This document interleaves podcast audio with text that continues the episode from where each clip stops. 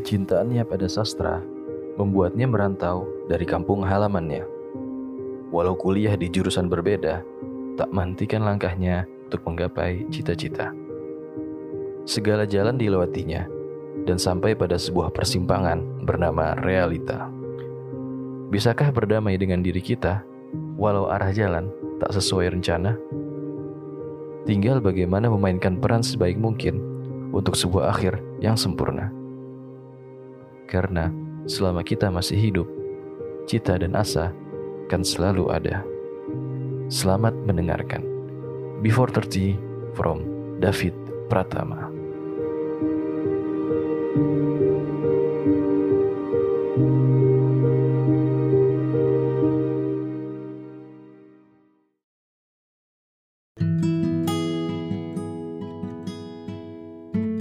delay delay lagi nggak?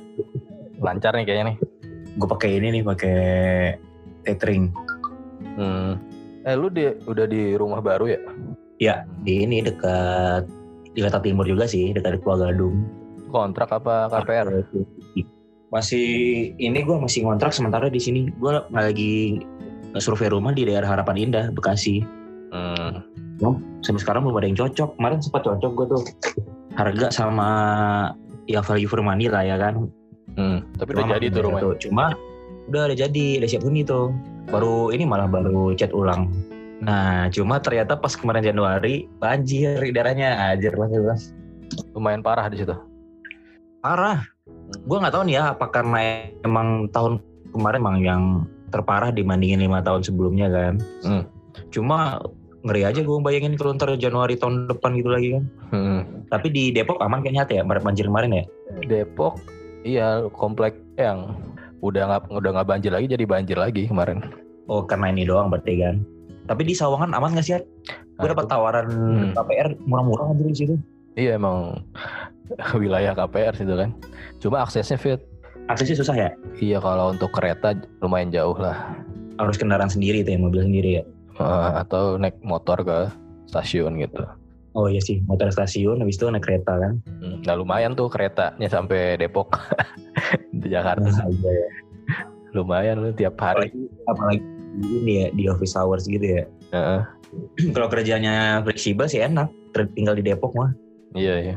Untuk kan bisa datang jam 10, jam 9. Lu lebih nyaman mana kalau naik kendaraan pribadi ke kantor apa naik kendaraan umum? Kalau di gua tuh mau nggak mau pasti nyambung lagi dari kendaraan umum ke minimal Gojek kan. Soalnya di kawasan kan. Lu kan udah nyobain dua-duanya tuh. Waktu tinggal di Bogor kan naik kereta bolak-balik. Wah, nggak kuat gua tuh naik naik kereta. Gila sih sumpah emang tuh. gue mending disuruh bawa motor ke Bekasi gitu. Dua, dua jam, dua jam nggak apa-apa deh gitu dibandingin kereta. Bekasi sama ya Bogor ya. Sama lebih crowded malah. Crowded ya. Karena kan Bekasi, kalau Bogor kan udah satu aja Bogor gitu ya. Ya paling Depok sih ininya kan, ramenya lagi kan. Iya udah Kalau Depok Bekasi kan- tuh. Hmm. Iya, kalau Bekasi tuh Cibitungnya, terus Cikarangnya lebih dikit keretanya. Jadi lu masih di rumah aja nih, gak ke kantor-kantor. Masih, masih diperpanjang lagi WFH gue sama kantor. Sampai, sampai tanggal 22 sih infonya diperpanjang. Hmm. Apa lu ada piket ke kantor apa enggak? Kalau di gua kebetulan nggak nggak kebagian piket sih, tapi kalau di kantor ada beberapa emang yang piket, terutama yang ini yang mekanik sama tim servis. Tapi kalau yang di bagian analis gitu-gitu sih nggak nggak nggak ada ke kantor. Jadi kerjaan lu apa meeting aja, meeting online aja ya? Iya, kalau kerjaan sih tetap, cuma bedanya dipindahin doang tempat kita kerja dari tadinya di kantor sama di kosan kan atau di rumah. Meeting itu seminggu bisa tiga kali lah jadwal rutinnya. Hmm. Jadi kan kalau di kita kan ada dua ini ada dua manajemen. Nah karena shareholdernya dua itu, jadi pertanggungjawaban data dan meeting itu kita kedua sekaligus ke manajemen internal sama ke prinsipal. Hmm. Jadi yang gue meeting ke prinsipal itu sebenarnya ya tetap untuk corporate juga. Biasanya bahasnya itu lebih ke ini ke market analis nasional berapa, terus report-report gitu loh. Pasti menurun ya omset ya? Ada peluang baru nggak dari perusahaan lo? Boh, pasti. Kalau peluang baru sih kayaknya masih nggak ada ya. Karena kan bisnis gue tuh sifatnya kan eh, apa ya bisnis yang udah udah di dalam agreement bahwa kita nggak bisa punya core bisnis lain selain it- paling strategi-strategi aja. Nah itu yang yang sekarang gue susun tuh. Karena gue di bagian tim itu kan di bagian tim analis kan. Nah susunnya itu gimana caranya mungkin stop bisa terkontrol dengan baik. Karena kan kita nggak bisa nih ngebatalin perjalanan kapal dari Jepang atau dari Cina ke, ke Indonesia atau ke Priuk gitu kan. Karena kan kita udah order tiga bulan atau empat bulan sebelum corona ini kan. Mau nggak mau kan sekarang giliran unitnya masuk satu persatu gitu. Nah paling itu kita nyusunnya gimana caranya biar placementnya itu tetap tetap optimal dan barang in outnya juga juga seimbang gitu kan kalau dari prinsipal gue sendiri itu udah ada dua kali ininya, udah dua kali keluar memorandum bahwa ada gangguan dalam perjalanan terkait corona ini. Karena kan alat, alat berat di gue sendiri itu sebenarnya di dua tempat ya. Pertama di Jepang, itu di Nagoya. Yang kedua di Shanghai kan di Cina. Nah rata-rata unit-unit yang berangkat dari Shanghai itu yang mengalami ya ada keterlambatan dua bulan, ada yang produksinya pending satu minggu gitu kan. Pengaruh pengaruhnya itu ke lead time. Lead time alat berat yang tadinya diprediksi misal masuknya Mei maksudnya jadi Juli. Hmm, walaupun mungkin masih pandemi ya tapi ada prediksi nggak bakal normal lagi berapa waktu lagi? Kalau bisnis sih sebenarnya prediksi kita itu bakal normal lagi di Q3 sih. Kita nyusun strateginya kan 100% dari target kita di awal tahun lalu di awal tahun 2020 ini itu kita geser 70 persennya itu kita penuhin di Q3. Q3 itu berarti startnya dari September, Oktober, November, Desember. Hmm, baru itu udah mulai sujur-joran tuh ya. mm Terus jor-joran itu. Makanya gue kebayang di akhir tahun pasti lebih lebih crowded lagi daripada tahun-tahun sebelumnya. Hmm. Kalau bisnis mungkin akhir tahun, tapi kalau misalnya dari segi sosial, segi lifestyle, kayaknya masih lama ya, kayak gini ya. Iya, masih lama nih kayaknya malah mungkin bisa jadi tahun depan baru baru pada mulai lagi buat istilahnya pasca bencana gitu kan buat tumbuh lagi buat hmm. mulai lagi aktivitas normal gitu kan hmm. kayak yang kita lihat aja kalau prediksi ininya aja pertumbuhan pandeminya mulai turun aja baru Juli hmm. ada yang prediksi September hmm.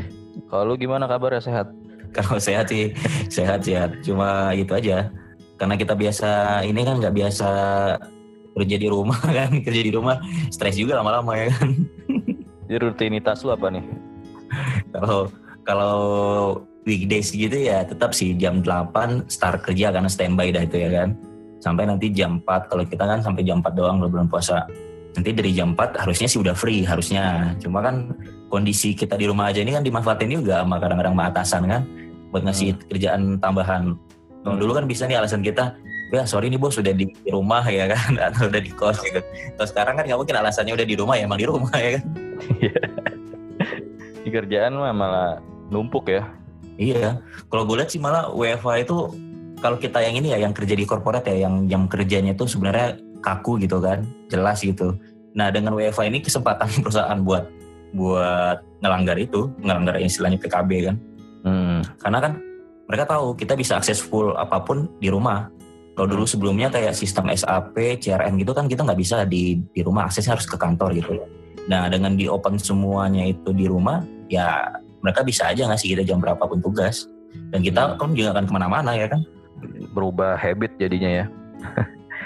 iya berubah habit. Sampai gue ada ini ya, gue ada survei uh, pelaksanaan WFH dari kantor, di mana beberapa poinnya itu kalau gue lihat ya, kalau ada poin itu yang kalau seandainya WFA ini tetap dijalankan setelah adanya pandemi ini selesai gitu ya kan? Apakah menurut teman-teman masih efektif? Ataukah apakah job desk yang teman-teman miliki sekarang bisa diterapkan dengan WFH ada kayak gitu mungkin ke depannya bakal berubah pola-pola kerja sih menurut gue mau nggak mau. Kalau ini fit di lingkungan lo tuh itu lingkungan pekerja maksudnya yang ngontrak ngekos atau uh, warga sekitar kalau gue kebetulan di ini ya di perumahan klaster gitu kan. Mm-hmm. Jadi lingkungannya di sini memang orang-orang kerja semua. Kalau yang biasanya sebelum WFA itu pintu pada ketutup ya. Mm. Kalau sekarang setelah WFA malah justru ramai di komplek dirinya. Karena rata-rata orang kerja semua sih. Hmm. Jadi kenal tetangga gitu ya. benar jadi kenal tetangga benar. biasanya jadi nggak tahu ini bisa bapak ini kerjanya di mana gitu kan karena pulangnya udah malam berangkat subuh subuh sekarang jadi kenal gitu gitu tapi pada nggak balik ke kampung ya apa emang orang situ rata-rata di tempat gue sih pendatang semua. Mm. Kalau yang mudik sih belum ada sih infonya. Mungkin satu dua ada kali ya yang yang yang mudik. Tapi kita karena kita nggak begitu kenal mungkin kan. Cuma dari yang lingkungannya sekitar RT gue sih belum ada yang pada mudik. Hmm. Rata-rata sih mungkin karena ini ya karena orang-orang kerja kerja profesional semua. Jadi pada ini juga pada nggak bisa mudik juga karena kan kerjaan tetap masih lanjut. Iya iya. Hmm. Mereka nggak yakin ya kalau dibawa ke kampung bisa dihandle apa enggak kan? Belum ntar masalah jaringan ya kan koneksi internet aja Jakarta aja masih suka kacau. Kalau lu ada rencana mudik? Kalau mudik sih enggak sih kayaknya. Enggak ya? Pertama pertimbangan gua kalaupun mudik kan nanti di daerah kita bakal di ODP tuh bakal 14 hari tuh. Hmm. Nah sementara libur libur lebaran dari kantor kan cuma lima hari. Gak mungkin juga sih menurut gua. Hmm. Tambah lagi kan sekarang ada syarat-syarat dokumen itu ya walaupun menurut gue sih bisa-bisa aja diakalin ke dokumen ya kan. Cuma ya tetap aja nah kalau gue sih milihnya nanti aja setelah lebaran mudiknya boleh. Hmm. Jadi lu terakhir ke ke Padang kapan? Gue kebetulan sih kemarin bulan bulan ini bulan Desember eh bulan Januari deh tahun baru soalnya. Itu lamaran apa gimana? Ya salah satunya ngurus itu sih persiapan lamaran. Kalau lamaran sih Februari di gua. Ya. Kan kalau gua lamaran kalau di gua kan lamaran nggak ini ya nggak nggak perlu dan harusnya nggak perlu ikut yang calonnya. Oh gitu. Gimana tuh? Jadi cukup keluarga. Oh lu datengin ke rumahnya? Balik justru kalau di pakai adat Minang itu yang keluarga perempuan yang datang ke rumah. Oh. Tapi Tapi perempuannya nggak nggak ikut. gak ikut. Oh jadi orang Nggak. tuanya ke rumah lu? Orang tuanya terus Oh, ininya apa? Ah. Apa Oh. namanya nih omnya? Oh iya ya. Itu dua- dua-duanya lu sama dia orang Padang gitu ya? Iya sama-sama ini sama-sama asli Padang dulu ya. Itu emang harus pakai adat apa gimana kalau di sana? Sebenarnya tergantung ini, tergantung kesepakatan keluarga aja kan. Hmm. kayak di adatnya Minang itu mungkin lo pernah dengar kan kalau yang cowok kan yang di ini yang dibeli gitu kan nah di gua juga kemarin kan harusnya begitu tapi kan kesepakatan keluarga ya nggak usah lah gitu kan ngapain masih kayak gitu Hmm. jadi hal-hal yang kayak uang japui nama istilahnya itu atau uang jemput bahasa Indonesia-nya itu nggak nggak pakai Hmm. Kalau lu asli mana sih? Padangnya? kalau sebenarnya kalau nenek gue itu Padang Panjang Hmm. cuma karena ibu gua dari kecil udah di Padang Kota kan nenek gue juga dari dari dari kecil udah pindah Padang Kota jadi udah dari kecil di Padang Kota Hmm. Bapak lu asli Padang juga apa perantau? Enggak, kalau bapak gua asli daerah Solok namanya. Itu di mana tuh? Itu kalau dari Padang sekitar satu setengah jam lah. Mungkin kalau pernah dengar danau danau Singkara, nah Iya, iya. itu dia. Oh, berarti masih Sumatera lah ya. Masih, Kalau- masih Sumatera Barat. Kalau Padang itu Sumatera Barat itu Melayu kan sih? Melayu benar. Melayu kan? Mm-mm. Tapi kalau dikasih nama nggak ada Melayu-Melayunya ya? Gue juga gue juga heran itu tuh. Tapi kalau kalau nama sih gue lihat ya, justru yang Melayu itu yang masih nerapin nama-nama Melayu itu di daerah Riau sih. Hmm. Heeh, karena Riau masih kental sih Melayunya. Kalau di Sumatera Barat, terus di daerah apalagi ya Bengkulu itu masih udah nggak begitu Melayu. Tapi kalau Aceh, Riau tuh masih masih Melayu banget. Tapi setidaknya ada nama khas daerah situ kan biasanya. Mm-mm. Karena karena orang tua udah dari kecil di kota kali. Pakai marga nggak? Kalau kita kan suku namanya, Ah, suku ada. Cuma kan dia nggak nggak ditulis di nama. Ada beberapa sih yang yang ditulis di nama, di nama kayak misalnya mungkin lu Hmm. pernah dengar Kaniago gitu kan. iya iya iya. atau Piliang gitu kan. Kalau gue ada suku gue Panyalai namanya, Hmm. Di keluarga besar lu nggak pakai itu ya? nggak nggak pakai. Lu di Padang sampai umur berapa Fit? Umur dua berapa ya? 92, gue lahir 92, gue cabut ke Jakarta 2011, kurang lebih 19 tahun lah. Gue berarti sampai SMA ya kan? Hmm, baik, SMA doang, kelas 3 SMA doang. Hmm. Itu lu emang pengen kuliah di luar pulau atau gimana tuh? Iya emang dari awal tuh gue pengen di luar pulau. Tapi sebenarnya gue pengen di luar pulau itu cuma satu tujuan sih ya sebenarnya. Karena kan gue dari SMA itu udah aktif tuh nulis-nulis gitu kan, udah sanggar-sanggar gitu kan. Hmm. Nah, gue ngeliat kalau gue nanti di Jakarta, potensi untuk dapat penerbit, kemudian untuk kenal orang-orang yang di bidang production gitu lebih lebih besar kan ketimbang di Padang gitu. Nah, ya udah kenapa nggak kuliah di Jakarta aja gitu. Tadinya malah gue pengennya ilmu komunikasi UI awalnya. Hmm. Mm-hmm. Awal-awal di persiapan kelas 3 SMA itu kan kita ditanya kan mau mau ke mana gitu kan. Buat persiapan undangan itu senampitan undangan. Nah, gue awalnya justru pengennya ilmu komunikasi UI sebenarnya. Nah, itu kan Cuma IPS. Kan karena iya karena gue IPA. Kalau IPA kan kita sebenarnya bisa tuh dapat jatah oh, IPS. Iya. Cuma kan nah. di sekolah kan untuk pembagian senampitan undangan kan guru BK pasti kalau bisa sebaik mungkin kita IPA IPA aja gitu kan biar nggak ngambil jatahnya IPS. Hmm. Nah di situ tuh ada yang apa tuh yang mahasiswa-mahasiswa yang ke sekolah-sekolah itu kan? Canvassing apa sih namanya? Ya canvassing gitu kan. Hmm. Nah di situ gue kenal tuh IPB. Alasan gue milih IPB-nya kenapa langsung IPB gitu kan? Karena gue mikir ke IPA apa ya yang yang ini IPA kan rata-rata serius semua mata kuliahnya kan? Hmm. Jurusan-jurusannya serius semua. Terus gue mikir kalau jurusan teknik yang nggak terlalu serius apa ya? Tadinya kan di, disaranin gue ITB, teknik mesin ITB sama guru BK. Cuma gue hmm. mikir kalau ITB, bayangan gue waktu itu, wah ntar gue serius amat nih kuliahnya, nggak bisa nulis, nggak bisa aktif yang lain-lain gitu kan.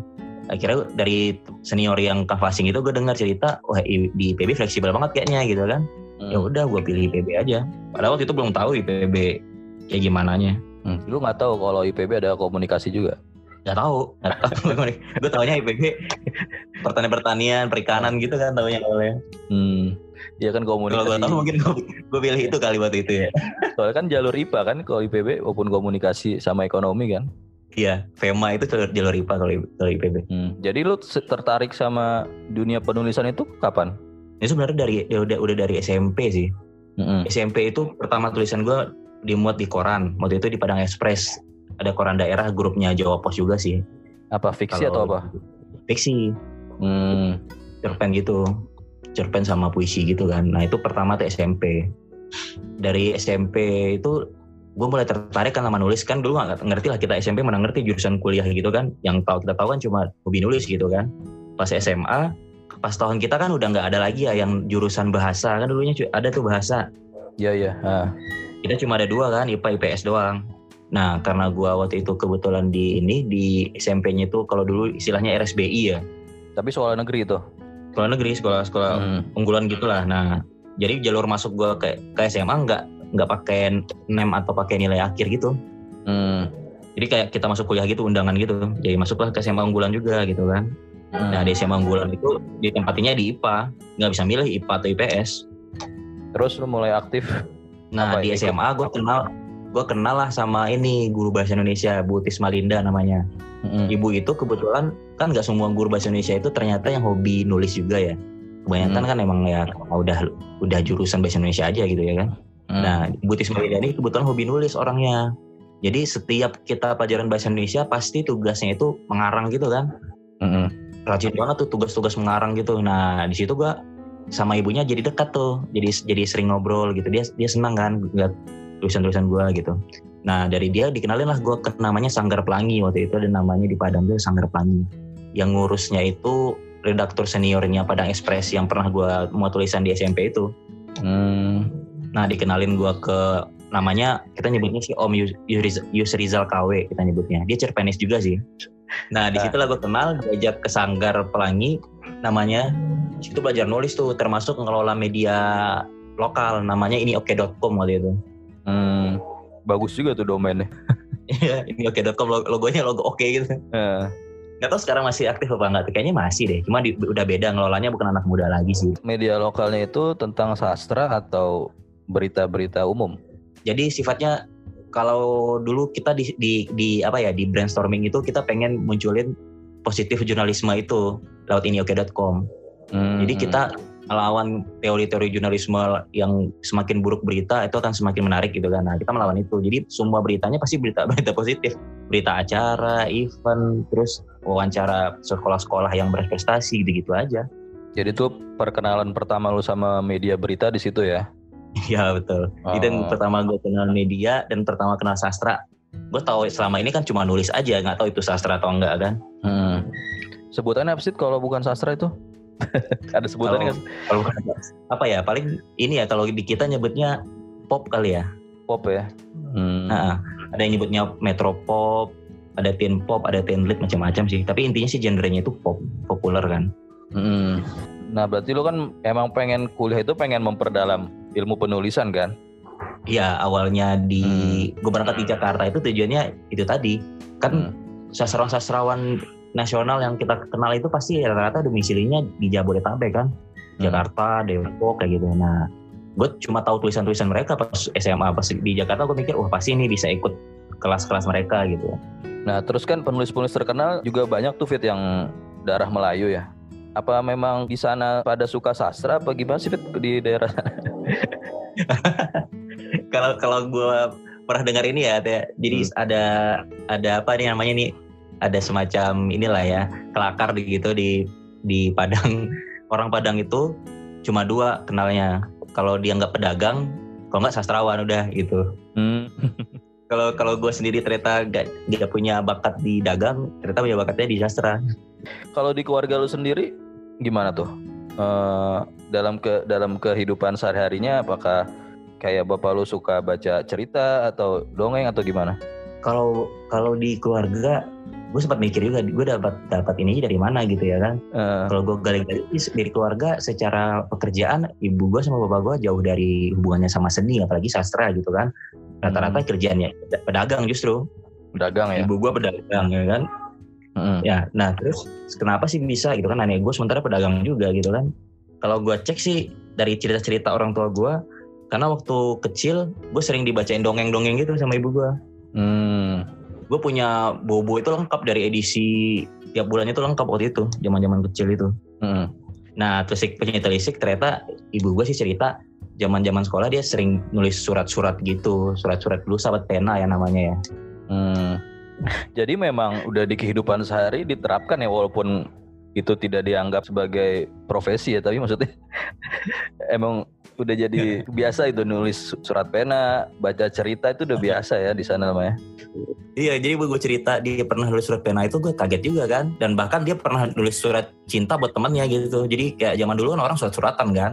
Nah, dia yang bikinin buat temannya gitu. oh, Gue sampai diliatin sih dulu bukti-bukti eh, bekas-bekasnya itu pernah gue baca gitu. iya, buka jasa malah ya. Kalau lu berapa bersaudara? Bertiga gue. Hmm. Cuma kan yang yang adik gue kan udah almarhum kan. Mm-mm. Yang adik gue yang pas di bawah gue berarti anak kedua. Sadar lu yang terakhir, Itu di Padang cewek. tapi ada ini kelihatan darah sastranya ada. Nah nggak ada, justru yang ada itu di gua sama adik gua yang nomor dua tadi nih At. Jadi Hmm. waktu gua nulis pertama kali di Padang Express itu nggak tahu kenapa sebulan berikutnya tulisan dia juga dimuat. Oh, beda. Emang lu beda berapa tahun? Gua beda tiga tahun. Oh, dia berarti waktu SD, Yong. Gua kan bet- ke- kebetulan nulis itu mulai masuk itu kelas 3 lah, kelas 3 SD, SMP gitu kan. SMP. Dia berarti ya SD, hmm, kelas kelas 6 mungkin waktu itu. Hmm. Kita jarak tiga tahun tapi sekolah-sekolah cuma dua tahun At, karena dia cepat masuknya. Ini ya lebih lebih cepet. Iya. Dia mulai nulis kelas 6. Hmm. Pas 6. Barang berarti lo ya? Sering diskusi apa enggak?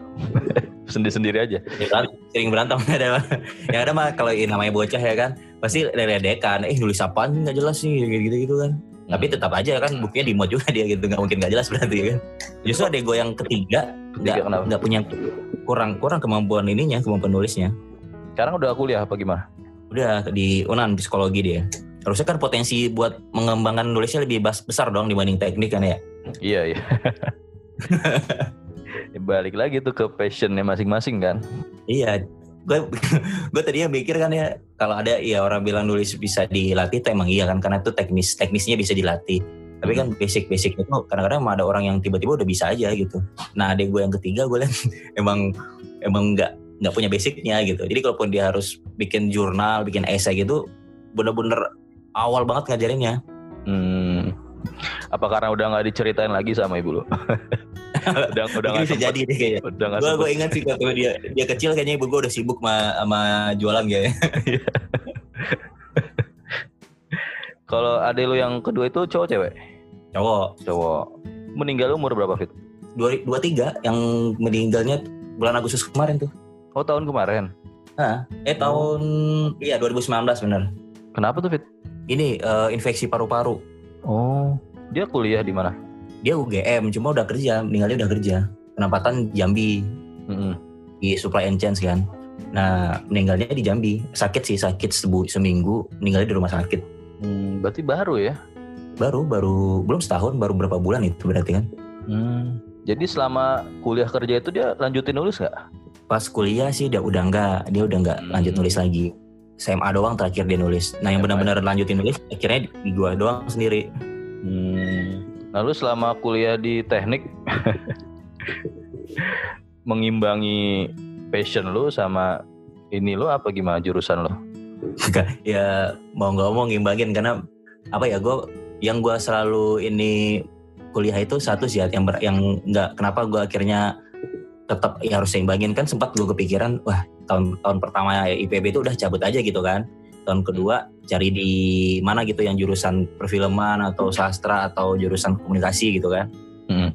cuma yang bikin batal itu salah satunya yang gue sampai sekarang nggak bisa lupa itu gue berangkat ke Jakarta itu ingat banget gue jadi di warga sekitar rumah gue itu itu nyumbang gitu patungan. Hmm. iya karena gue kan aktif dulu di Karang Taruna gitu kan. Jadi begitu dengar gue dapat undangan ke IPB nah sempat sepengetahuan gue tiba-tiba di masjid tuh udah udah kumpulin kumpulin ini kumpulin duit.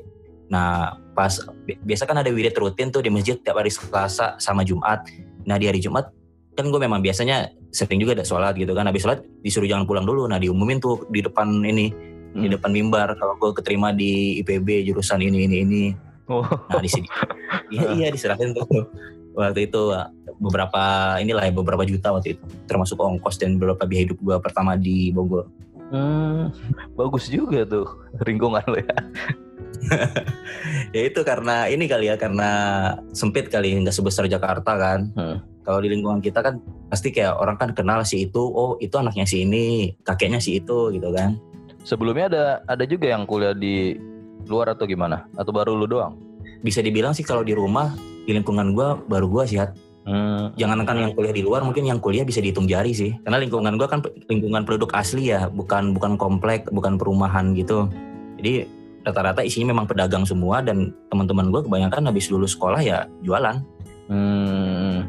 Makanya pas lu keterima pada senang juga ya, ikut Iya. senang ya. makanya pada makanya pada senang ya terus ya gitu karena kan gue nggak tahu waktu itu nasib terima beasiswa atau enggak waktu itu kan nah kata dia udah berangkat pakai duit yang dikasih itu sama dari saudara-saudara sebagian gitu Hmm. Hmm. Nah balik lagi nih ke kuliah lu gimana jadinya? yang nyeimbanginnya gue itu Nah. tadi salah satunya gue sempat waktu awal kita open house nah gue nyari tuh nyari-nyari kira-kira apa ya ekstrakurikuler atau istilahnya kita di, di kampus UKM yang hubungannya sama nulis waktu itu gue nyari-nyarinya Heeh. nah dapatlah waktu itu korpus satu satu lagi tuh kir. Ya, ya karya ilmiah ya. iya karya ilmiah. Kia Kia karya ilmiah asrama namanya. Kalau di sekolah kan kir kira ilmiah remaja kan. Nah gue masuk tuh dua-duanya. Kai- Kia sama korpus Hmm. Nah, di situlah gue mengimbanginnya ya buat ak- kuliah tetap jalanin ya senormal-normalnya gitu kan. Tapi tetap punya aktivitas di nulis gitu. Tapi lu kan kepikirannya biar lulus aja waktu kuliah atau mau merintis karir di Awal- teknik. awal lulus kuliah sih, eh awal, awal mulai pas jalanin kuliah ya ada sih pasti konflik batin gitu kan mikir, Hmm. duh ya udahlah ini penting lulus aja gitu ya kan. Cuma dari semester 2 ke 3 yang udah masuk jurusan kan ternyata mulai tahu lah istilahnya karir-karir setelah kerja gitu kan. Kayaknya susah kalau lulus cuma IP 2 gitu atau di bawah 3 gitu kan. Nah di situ lo gue mikir oh, gimana caranya yang gak usah 4 lah, ti- penting 3, 3 koma sekian gitu kan. Tapi tetap seimbang bisa ngerjain yang lain gitu. Nah salah satu yang gue lakuin yaitu tadi gimana caranya semester 7 bisa cepat kelar. Jadi gue punya waktu panjang buat kegiatan yang lain tanpa harus ngelari skripsi dulu. Mm-mm. Gue sempat kabur dari kampus gue setahun Nah itu delapan waktu itu. Iya, malah ngaret kelarnya. ya. malah ngaret. Tapi kan lo ikut ini juga ya, selain penulisan ikut kayak kelompok sastra gitu juga ya. Hmm, jadi itu udah dari semester tahun ketiga kita kuliah lah, udah mulai kenal teman-teman di luar kan, teman-teman yang di kampus-kampus lain, terutama yang kampus-kampus punya fakultas sastra kayak UNJ, UI. Nah, mulai tuh main-main ke kampus mereka, kenal sama anak-anak sastranya gitu kan. Hmm. Terus ikut komunitas-komunitas sastranya gitu. Sampai punya cita-cita, wah bikin juga lah di IPB gitu kan. Ya baru ter- baru realisasinya pas udah tahun ke lima kuliah. Tahun kelima. Iya. karena karena gue mikir kan buat nyeimbanginnya gimana ya. Tadi kan gue pengen karir di bidang nulis ya. Ah. jurnalis ya, cita-cita di awalnya atau atau atau editor gitu kan sementara gue kan bukan dari jurusan sastra. Pas, ah, pasti kalau gue keluar dari kampus nanti keluar dari IPB persaingan gue akan susah banget kan mungkin gue pilihan kesekian kan nah cara biar bisa gue bisa masuk dalam pilihan yang diperhitungkan ya punya pertama tadi pengalaman punya prestasi di bidang yang itu gitu makanya gue Hmm. jor-joran banget ikut ada lomba nu- lomba nulis antar mahasiswa ikut gitu kan Hmm. ada kegiatan ini ikut tujuannya sebenarnya dulu salah satu tujuan gue sebenarnya buat CV doang buat gimana CV gue nanti ada bidang itu gitu Jadi nilai plus gitu lah ya. Iya, jadi gue bisa bersaing gitu. Gue takut aja kan kalau gue nanti kerja di bidang yang di bukan jurusan gue, kalah dong sama anak-anak yang memang itu jurusannya gitu. Mm. Kalau lebih ke apa ke karya jurnalistik apa sastra fit? Basic di awal sebenarnya sastra kan. Nah. Cuma setelah kenal-kenal sastrawan, kenal-kenal aktivitas sastra, ternyata paling dekat hubungan sastra itu ya sama jurnalistik ternyata gitu. Mm-mm. Dekat banget hubungannya, dekat ke hubungannya ke teater atau seni pertunjukan, dekat hubungannya ke jurnalistik di bidang profesional kerja gitu. Kalau sastra kan kita nggak punya di Indonesia bidang pekerjaan profesionalnya kan. Yang ada kan paling editor, Oh iya iya iya. atau itu tadi jurnalistik makanya gue milih di awal awal-awal di ujung-ujung sih di ujung masa kuliah gue mikir karir apa yang hubungannya sama ini oh yaudah jurnalistik berarti nih Memang kebanyakan sastrawan juga karirnya dari jurnalistik juga ya. betul karena kalau kita bicara profesional karir untuk sastra sendiri kan nggak ada di Indonesia sedangkan kita sutradara teater aja kan belum sebagai pekerjaan profesional dianggapnya kan Hmm. Nah kalau lu teater, maksudnya ikutannya di penulisan aja atau sebagai penampil juga? Awal-awal itu nulis sebagai penulis naskah eh, lakon istilahnya kan. Cuma lama-lama gue kayaknya tertarik juga nih di seni peran gitu kan. Mulai coba tampil-tampil, akhirnya terjun juga ke bidang penampilannya, ke bidang artistiknya gitu. Mm-mm. Jadi jadi penampil juga ya. Iya. Jadi sastrawan banget jadi. Nah itulah akhirnya di masa-masa tahun kelima itu enak, enak banget nih sasaran banget nih gitu kan. Dan lu sempat kerja di awal tuh kan di jurnalistik dulu ya? Ya di Sinar Harapan, di media cetak. Hmm. Itu di Rubik Sastra atau umum aja, Metro atau gimana? Umum itu umum. Hmm. Berapa Jadi lama lu situ? umum. Hmm. Itu kurang lebih 8 bulan. Enam bulan. Sampai itu benar-benar tutup. Jadi gue resignnya bukan karena resign sih, memang karena udah tutup. Lu mengajukan ke Sinar Harapan atau dipanggil atau gimana? Awalnya kan ada kesempatan ini, kesempatan magang di sana. Cuma kan syaratnya kan mahasiswa jurnalistik atau mahasiswa ilmu komunikasi atau mahasiswa sastra gitu kan. Nah, gue iseng-iseng aja cantumin itu lamaran ke sana buat magang gitu. Nah, gue lampirin lah CV-CV yang udah gue kumpulin sama bertahun-tahun tadi itu ya, termasuk ya sertifikat, juara cerpen, juara puisi gitu kan. Mm-mm. Eh ternyata benar kepanggil, kepanggil wawancara, dapat tuh gue magang di sana. Sebulan sih magangnya waktu itu kalau nggak salah. Mm-mm. Nah setelah magang ditawarin mau nggak lanjut kerja di sini gitu. Tapi kan belum lulus nih masalahnya gue bilang kan ya nggak masalah nanti skripsi bisa diseimbangin dengan kerja aja lah katanya gitu. Oh ya Hmm. udah boleh gue bilang. Kira masuk kerja di situ. Jadi syaratnya nggak ada ijazah ya? Gak ada ijazah. Benar-benar karena ini aja karena dari magang Ya. ya gue waktu itu berhasil berhasil ini bikin eh, apa tulisan-tulisan yang trafficnya itu Hmm. bagus gitu dibandingin wartawan-wartawan senior gitu kan. Waktu lu awal-awal masuk situ ada tanda-tanda mau tutup nggak? Kalau pas awal sih gue belum ngerasa itu mau tutup. Tapi setelah jalan sebulan dua bulan mulai ngerasa tuh. Karena bombardirnya media online kan waktu itu udah udah kenceng kan, mulai kenceng kan di tahun-tahun 2017 eh 2016 gue itu. Udah mulai kenceng tuh. Nah mulai ada tanda-tanda. Makanya kita banting setir, sempat banting setir bikin proyek eh sinarharapan.co itu yang yang online-nya versi online-nya. Mm-mm. Nah, gue ditarik sebagai karyawan di sana. Salah satu tujuannya buat bantu di situ, ngembangin yang di online-nya itu. Mm. Dan nggak berhasil tuh ya ternyata ya. Ternyata gagal. Tetap sih kalau butuh butuh butuh ujung-ujungnya nggak cuma skill. Karena kalau skill, wah jangan raguin lagi lah sinar harapan. Ada Arisides Kartopo, ya kan? Ada Suharti yang yang wartawan-wartawan yang jago banget nulis feature-nya gitu kan. Mm-mm. Tapi ternyata kan kalau kita bicara online, ya kita butuh orang-orang yang bukan jago feature, tapi jago bikin judul-judul yang clickbait, jago dalam SEO dan lain-lain gitu kan. Mm. Nah, sinar harapan menurut gua telat di situ sih, Mm. makanya tutup. Setelah itu lu ke mana? Setelah itu lanjutin magang ke Beranda Inovasi. Itu di bawah di bawah ini di bawah Dikti itu punya riset apa itu yang yang bidang teknologi Kemenristek bukan? Jadi dia bikin media media online pengembangan dari majalah Ah. untuk tulisan-tulisan ilmiah populer gitu. Hmm, berarti beralih ke karya ilmiah nih. Berarti lah tuh gue nulis-nulis yang sesuai jurusan dikit lah kita yang IPB banget gitu ya kan. Tapi Hmm. dikemas dengan tulisan-tulisan yang populer, yang feature, semi feature gitu. Berapa lama tuh? Di beranda inovasi sekitar tiga bulan, karena masa magangnya cuma tiga bulan sih. Oh, Dari beranda lanjut gue ke itu yang di KRL tuh, lini kini. klinik ini. Hmm, Ketulisan beda lagi kan? komersil. Iya. Iya, langsung langsung berubah-berubah tuh Hmm. dari lini kini. Waduh, ini bener-bener bener-bener komersil banget nih ya kan. Apa sebutannya content writer ya? Apa copywriter?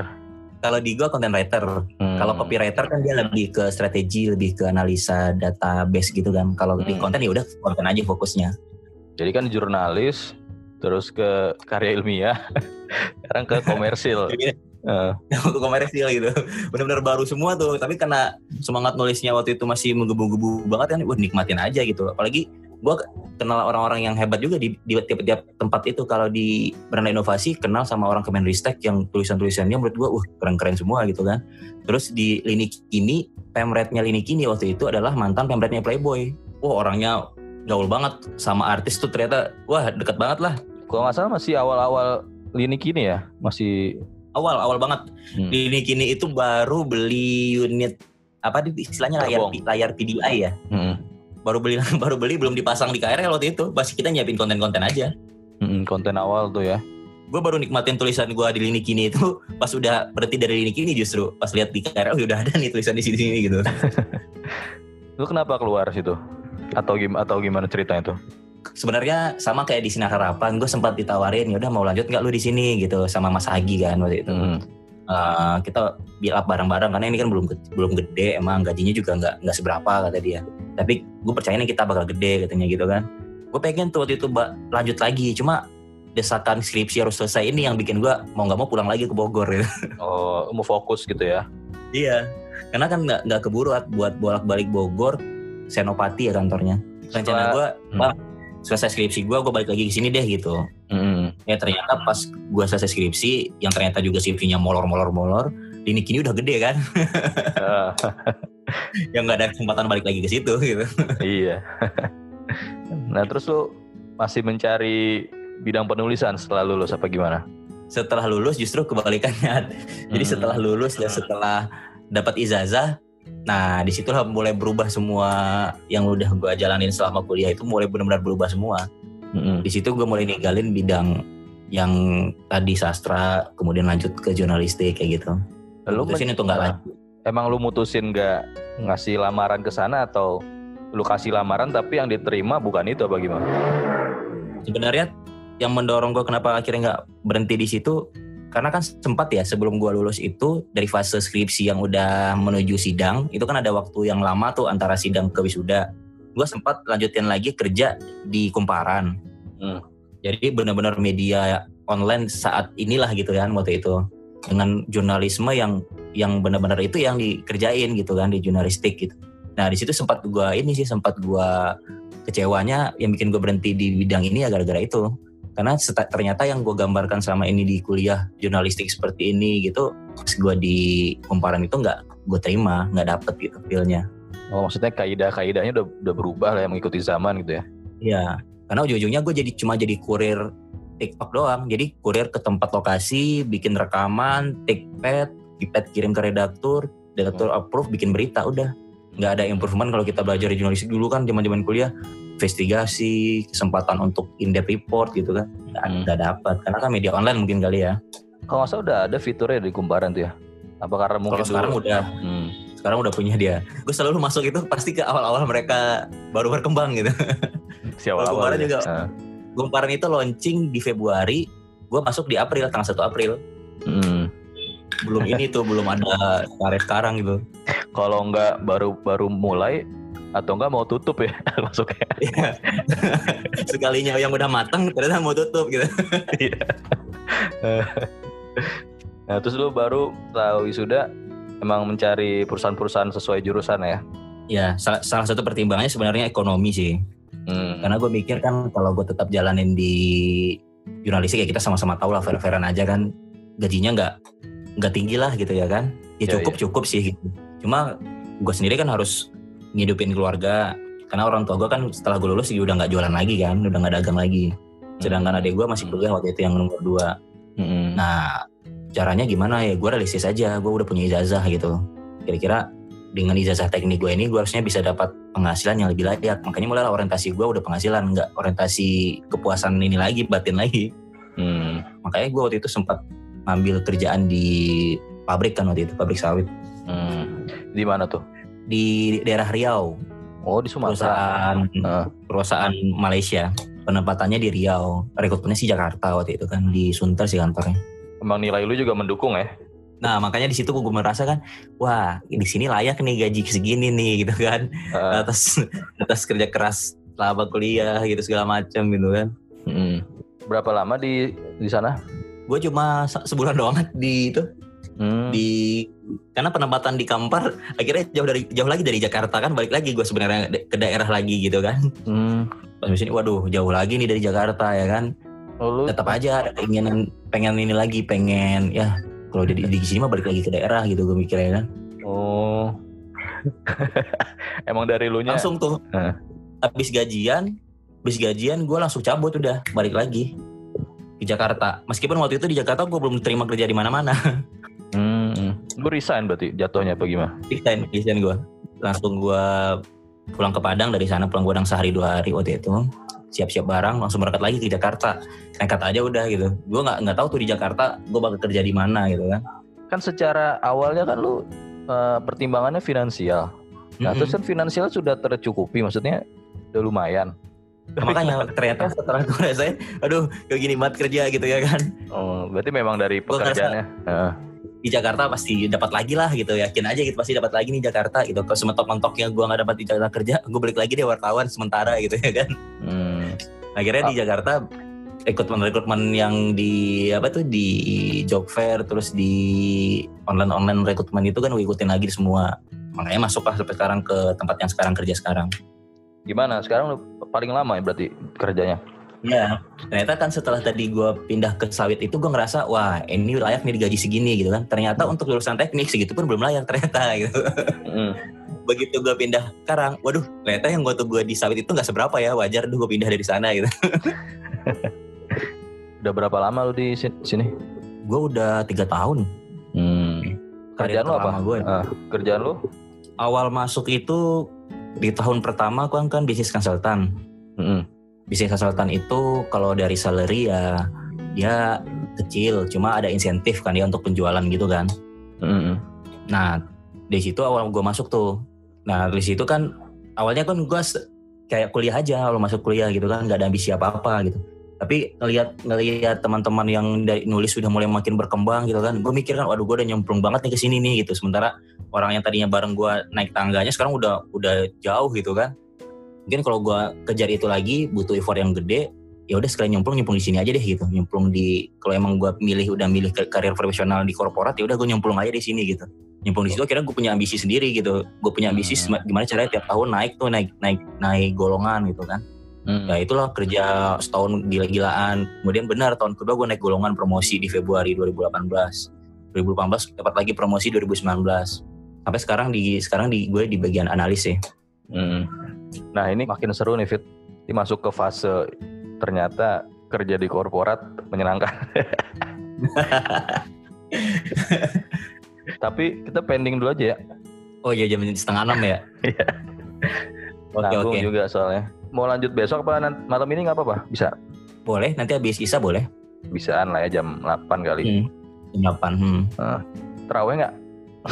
terawih kan di rumah terawihnya kan Ya oke okay ya. Nanti lanjut fit ya. Okay. Siap siap. Sip.